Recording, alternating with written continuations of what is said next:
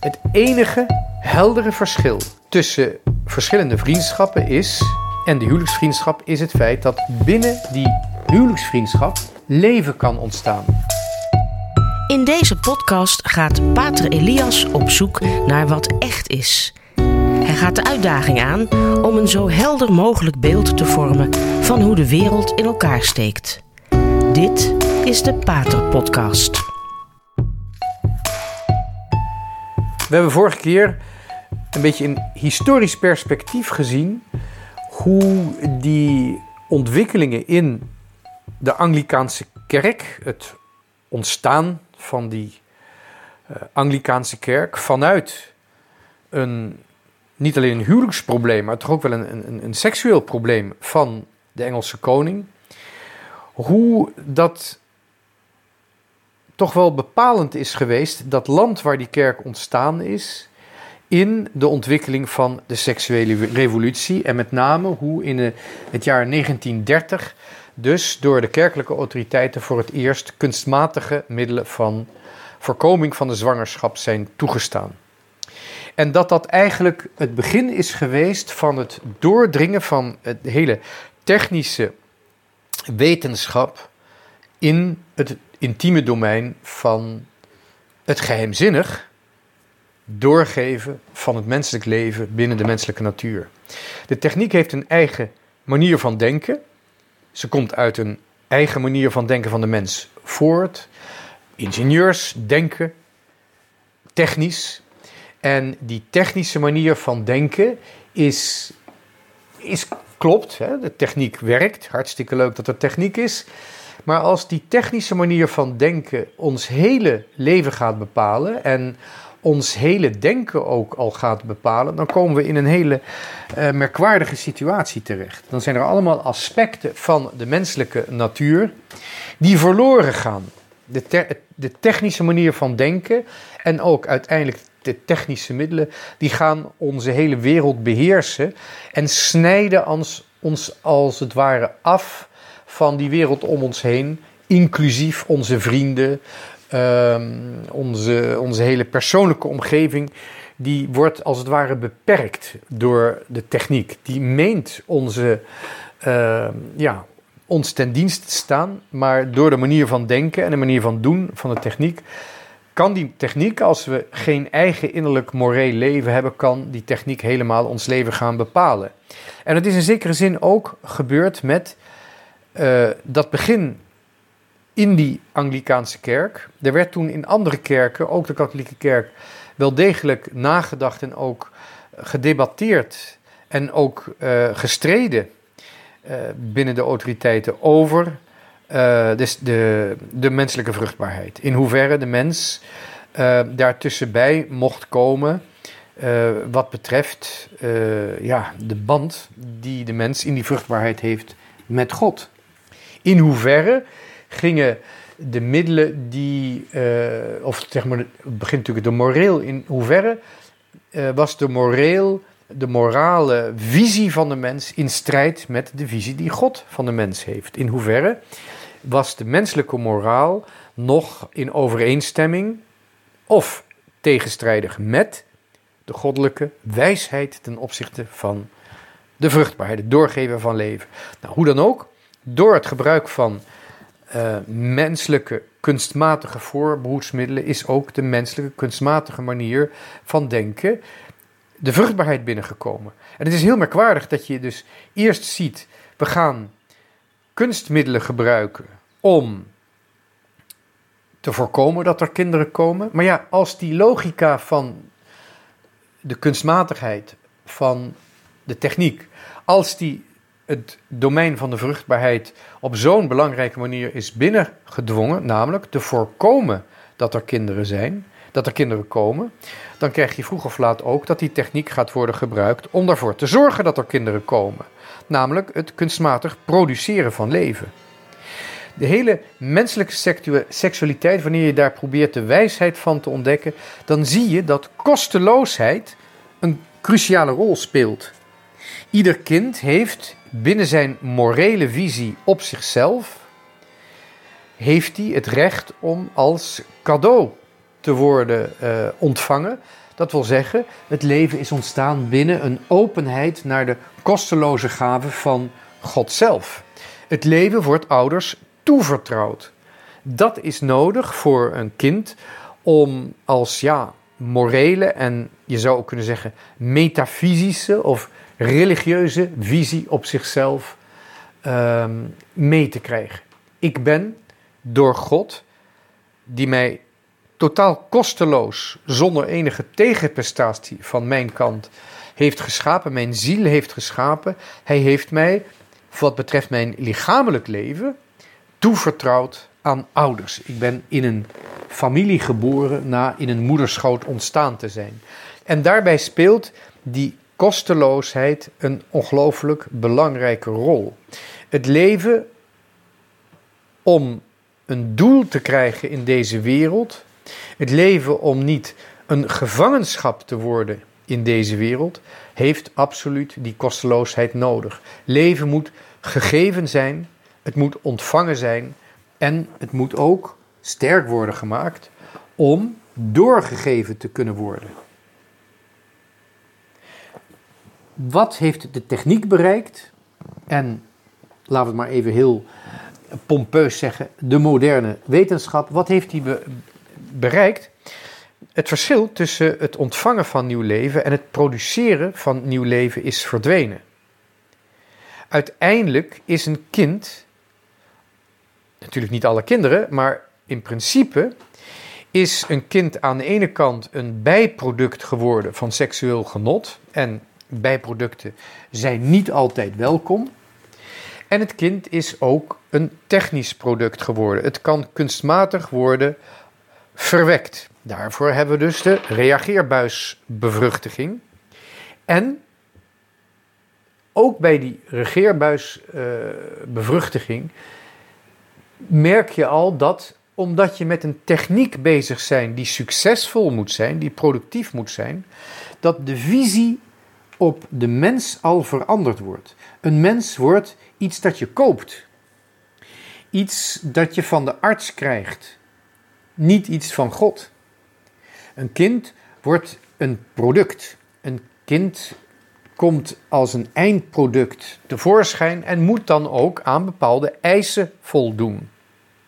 En ik weet niet of wanneer een kind die visie op zichzelf heeft, hij ooit werkelijk zichzelf kan zijn. Dat is heel vreemd. Jezelf moeten kunnen zijn, dat is een van de, van de belangrijke dogmata van onze samenleving. Je moet jezelf kunnen zijn. Lady Gaga zingt de hele dag over het feit dat we onszelf moeten zijn. Be yourself. Maar hoe kun je nou ooit jezelf worden wanneer je een product bent? Wanneer je helemaal wordt gedefinieerd door de wil van je ouders om een kind te hebben. Je bent niet ontvangen van een schepper die een bepaalde orde in de natuur heeft aangebracht, maar je bent gemaakt. En daarom ben je ook in je hele leven uh, eigenlijk verschuldigd tegenover je makers, tegenover je producenten, om aan bepaalde eisen te voldoen. En dat is niet overdreven, want dat is vanaf het begin van de reageerbuisbevruchtiging, de IVF in Nederland, is, dat ook, is daar al sprake van geweest. Zo was er ergens een vergissing begaan in een uh, ziekenhuis en een vrouw baarde twee gekleurde kinderen, hoewel de donor of de officiële biologische, of, uh, biologische vader um, was blank. Dus je krijgt al, we hebben in het land hebben vanaf het begin al dat probleem gehad. Wie is de echte vader? Is het de biologische? Is het de arts die de vrouw helpt en die ook het zaad inbrengt? Wie is nou met technische middelen? Wie is nou de echte vader? Je krijgt door, die, door dat paradigma, dat wil zeggen het denksysteem, de denkstructuur van de techniek, is de kosteloosheid verloren gegaan. En het is niet meer een grap om te zeggen dat papa en mama een kindje maken. Het klinkt heel komisch, want je weet ook, zo is het niet. Ze ontvangen een kindje. In plaats van een grap is het bloedserieus geworden. De mens wil in staat zijn om een kind te maken. En natuurlijk hebben we daarbij het absolute summum van menselijke hoogmoed, dat een mens ook een kloon wil maken. Hij wil een exact evenbeeld van zichzelf maken. Door het klonen.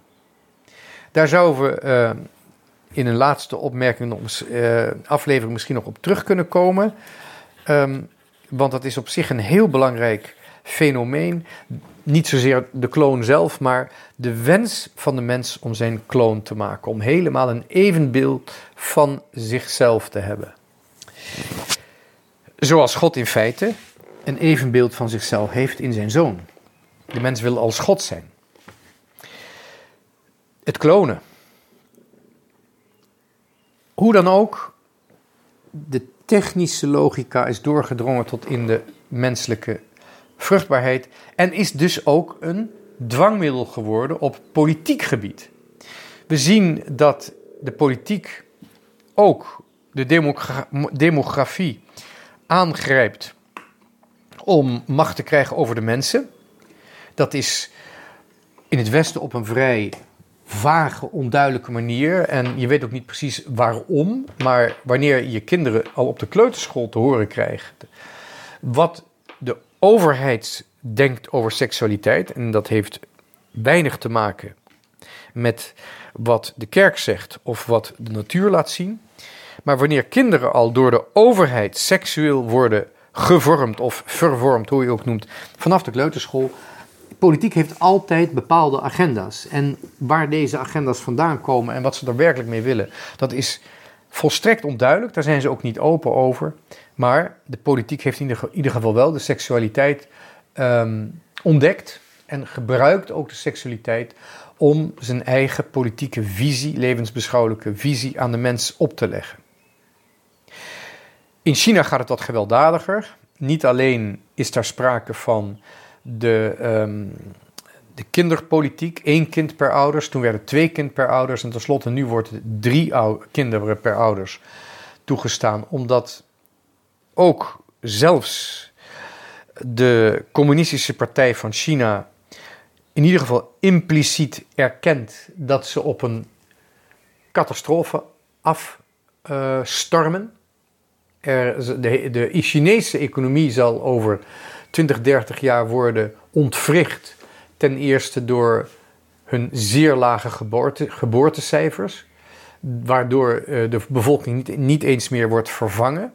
Maar ook, en daar wordt over weinig gesproken, maar ook door het enorme gebrek aan evenwicht tussen het aantal mannen en vrouwen meer dan 100 miljoen meisjes missen in de landendriehoek Pakistan, China en India. Dat komt door selectieve abortus. Dat komt door ehm, ook kindermoord, kort na de geboorte. Hoe dan ook, er zijn 100 miljoen. Ik hoop dat u uh, even probeert stil te staan bij wat dat cijfer betekent. Maar er zijn 100 miljoen kinderen te weinig in de landendriehoek China. Sorry, kinderen, uh, jongens. Sorry, nou zeg ik het weer verkeerd. Het is blijkbaar te onvoorstelbaar ook voor mij. Er missen 100 miljoen meisjes in de landendriehoek India, Pakistan en China. En wanneer je een beetje de psychologie bekijkt van de opgroeiende man, het geweld in hem, dat gaat zich tegen iedereen op een volstrekt irrationele manier keren, dus uiteindelijk ook tegenover hemzelf, als er niet een wederhelft gevolgd, uh, gevonden wordt. Dus de, de agressiviteit die van nature in de man wordt, is, als die niet wordt begeleid, als die niet wordt ingekaderd op het werk of in een huwelijk, dan wordt die destructief en zo irrationeel dat hij uiteindelijk zelfdestructief wordt. Die drie landen, Pakistan, India en China, die een hele merkwaardige driehoeksverhouding van vijandig hebben. Nou, juist in die drie landen, die niet vanuit het christendom een eigen motivatie hebben of een eigen momentum om vrede met elkaar te sluiten. Het communistisch-kapitalistische China, het India, dat ook wel kapitalistisch is, maar een totale andere kijk op de mens heeft vanuit het Hindoeïsme en het Boeddhisme. En Pakistan, het land met eveneens net als China en India de atoombom, waar al eh, sinds de onafhankelijkheid een enorme interne strijd eh, heerst tussen de intellectuele, ehm, zeg maar gematigde islam, de zakelijke en intellectuele islam, tegenover de, het radicaal islamisme, dat in Pakistan echt op een zeer heftige manier aanwezig is en ook gefinancierd wordt door, het, ehm, door Saudi-Arabië en, eh, en misschien ook wel andere extreem, uh, extremistische um, islamitische regimes. Hoe dan ook, we hebben drie landen uh, waar ongetwijfeld enorme spanningen kunnen ontstaan. Want wat doe je met 100 miljoen mannen die geen vrouw kunnen vinden? Die stuur je op pad om elders vrouwen te gaan zoeken. We zien dat die demografische politiek een enorme uh, invloed heeft gehad en catastrofale gevolgen in die landen. Um, niemand weet wat daar de uitkomst van zal zijn. En ik zelf durf er eigenlijk ook nog niet echt over na te denken.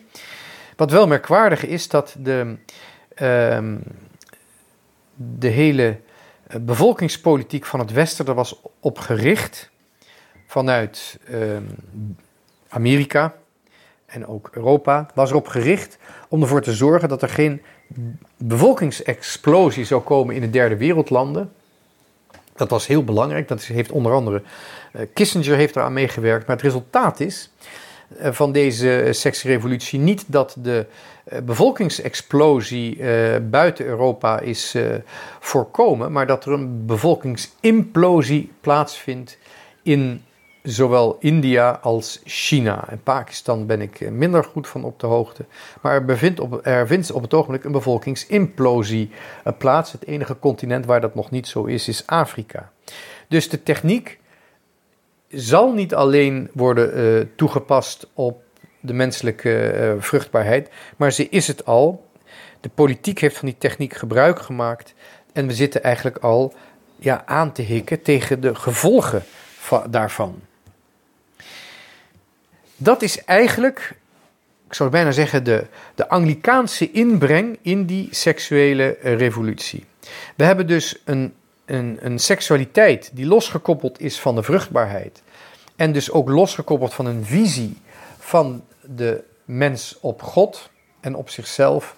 En daardoor is de mens, overal waar die seksuele revolutie heeft plaatsgevonden, is in feite een slaaf geworden, is zeer passioneel geworden, zeer erotisch. De mens is een slaaf geworden van zijn eigen lichamelijke natuur en um, heeft zijn vrijheid verloren.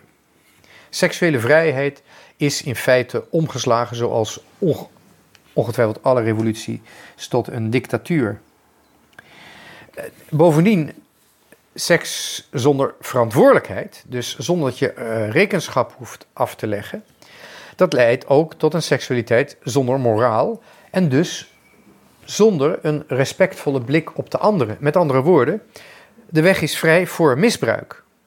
Wat, eens, wat voor de een een bevrijdende ontwikkeling aanvankelijk is, voordat die nieuwe vrijheid omslaat in slavernij van je eigen lusten, voordat je dat kunt beseffen, zijn er al andere slachtoffers gevallen.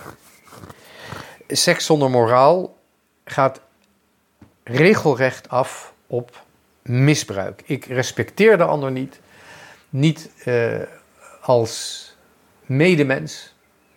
Nee, ik respecteer de ander alleen maar als een object waar ik plezier aan kan beleven. Dus vanuit die visie is het gekomen tot ook het misbruik.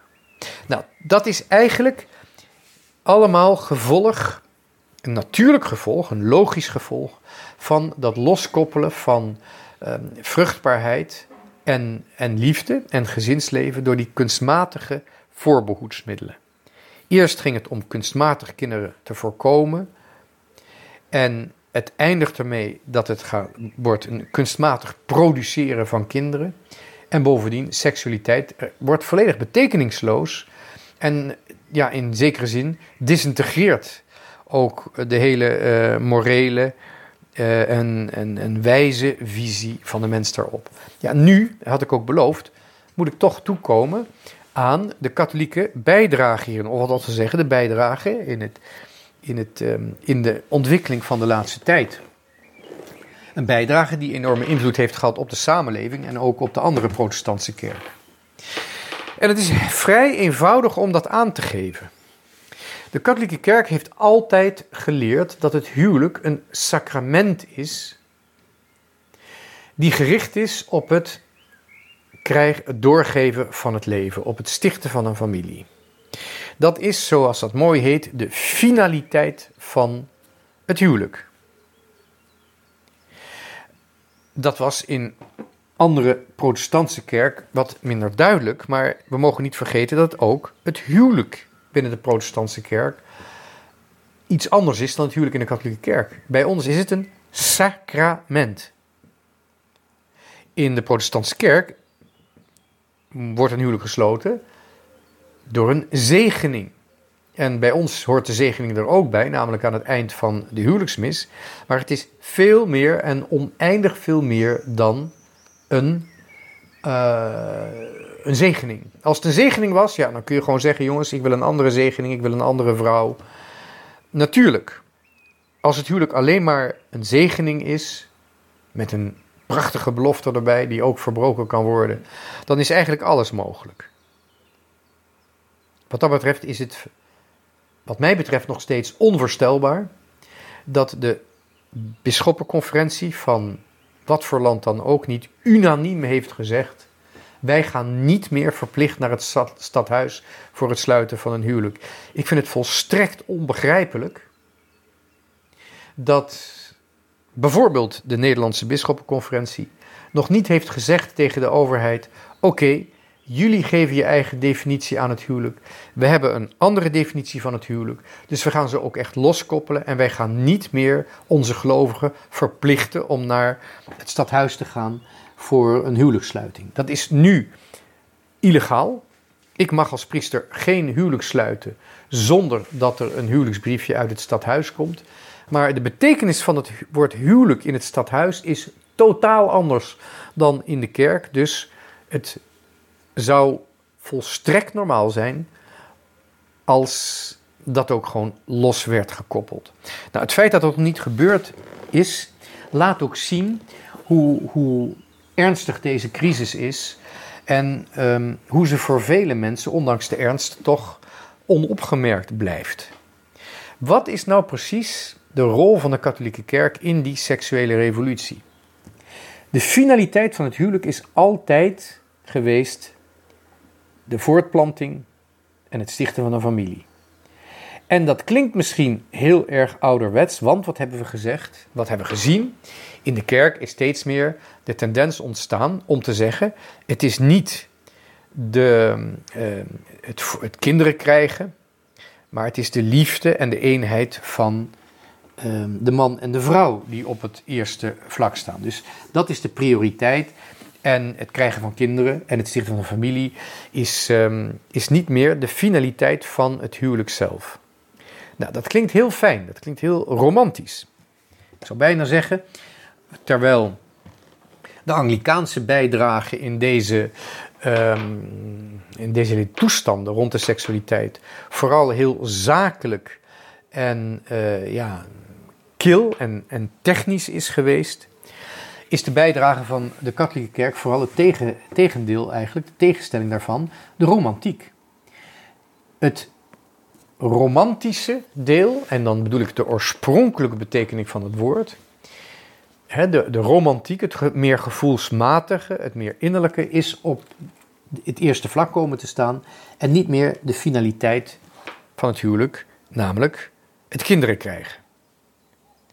Dat heeft enorme gevolgen, deze romantisering van het huwelijk binnen de katholieke kerk, of de onduidelijkheid daarover binnen de katholieke kerk. Nee, kinderen krijgen en familie stichten, dat is ouderwets. Het gaat nu om de vriendschap, om de liefde, de intimiteit tussen man en vrouw. Heel fijn, maar het brengt wel een paar problemen met zich mee. Namelijk, als het inderdaad zo is dat op de eerste plaats van het doel van het huwelijk staat de liefde en de eenheid tussen de huwelijkspartners, dan is de vraag waarin verschilt het huwelijk, of dat, dat althans, waarin verschilt de vriendschap die met een huwelijk wordt bezegeld van de andere vriendschappen? Is het dan zo dat eigenlijk het huwelijk het meest, de meest volmaakte eenheid en liefde betekent tussen mensen? Wat is het wezenlijke verschil van het huwelijk, de huwelijksvriendschap, want het huwelijk is natuurlijk een sacrament. We hebben het over de huwelijksvriendschap, de relatie wordt tegenwoordig gezegd, fijn modieus woord, relatie. Waarin verschilt de huwelijksvriendschap van andere vriendschappen? Wat is het wezenlijke kenmerk daarvan? Ja, en dat is toch echt die lichamelijke relatie waarin het kind kan worden ontvangen. Ga je dat als het ware ontkennen wanneer je zegt van ja, dan als, als de vriendschap moet een zaak van eenheid en liefde en, en innerlijk beleefde en uitgewisselde liefde worden, dan is het verschil met andere vriendschappen wordt ineens heel onduidelijk. En dan kun je aan de ene kant zeggen: wat is dan de eenheid van andere vriendschappen? Dat is dus minder, minder intense vriendschappen. En je gaat ook vriendschappen meten vanuit het lichamelijke contact. Sterker nog, eigenlijk hoort seks bij alle vriendschappen. De mate waarin je seks hebt, is de intensiteit van die vriendschap. En bovendien, dat betekent dus dat eigenlijk iedere vriendschap niet alleen seks moet hebben, dat is dat een logisch gevolg, een romantische logica, maar bij die vriendschap hoort dan ook een huwelijk. Dan mag ik ook met iedereen trouwen en, ja, hoe krijg het ook klinkt, maar seks hebben, met wie ik uh, een, een, een liefdevolle relatie heb. Het veronachtzaamt het feit dat er ook andere vriendschappen zijn. Op het werk heb je een echte vriendschap met je medewerkers. Je hebt een echte vriendschap met mensen binnen je familie, omdat je dezelfde oorsprong hebt. Je kunt heel innig van broers en zussen houden. Daar kun je een hele diepgaande vriendschap mee ontwikkelen. Het hoeft niet, maar het kan wel. Zijn die vriendschappen dan minder? We weten ook dat bij oorlog, in tijden van moeilijkheden, ook hele diepe vriendschappen ontstaan. Zijn die vriendschappen dan minder? Is de kwaliteit minder? Het enige heldere verschil tussen verschillende vriendschappen is, tussen de verschillende vriendschappen en de huwelijksvriendschap, is het feit dat binnen die huwelijksvriendschap leven kan ontstaan. Er is een hele speciale relatie vanuit het meest fundamentele, namelijk het lichaam, is een relatie met het meest radicale, alles overstijgende, namelijk God. En als je naar het lichaam kijkt, naar de biologische functies, dan komt niet het genot op de eerste plaats. Maar als ik kijk naar de biologische functies, zo objectief mogelijk, dan zeg ik ja, die organen en de hele lichaamsbouw, die zijn gericht op de vruchtbaarheid. Dat wil zeggen het ontvangen van leven. En dus is het specifieke kenmerk van de vriendschap tussen man en vrouw die besluiten tot een huwelijk, is het voortbrengen van kinderen. Met uh, deze, er valt nog een heleboel over te zeggen, maar dat gaan we volgende keer doen. Dat wordt zogeheten een cliffhanger. Volgende week de derde en laatste keer in deze drieluik over de seksuele revolutie en de hele problematiek die daarmee te maken heeft, gaan we er nog aandacht aan uh, uh, besteden. En dat wordt dan als denkvoer voor, de, voor het zomerreces. Bedankt voor het luisteren. Tot de volgende keer. Dit was de Radio Maria Pater Podcast met Pater Elias. Deze podcast is online terug te luisteren via de website van Radio Maria en andere podcastplatforms.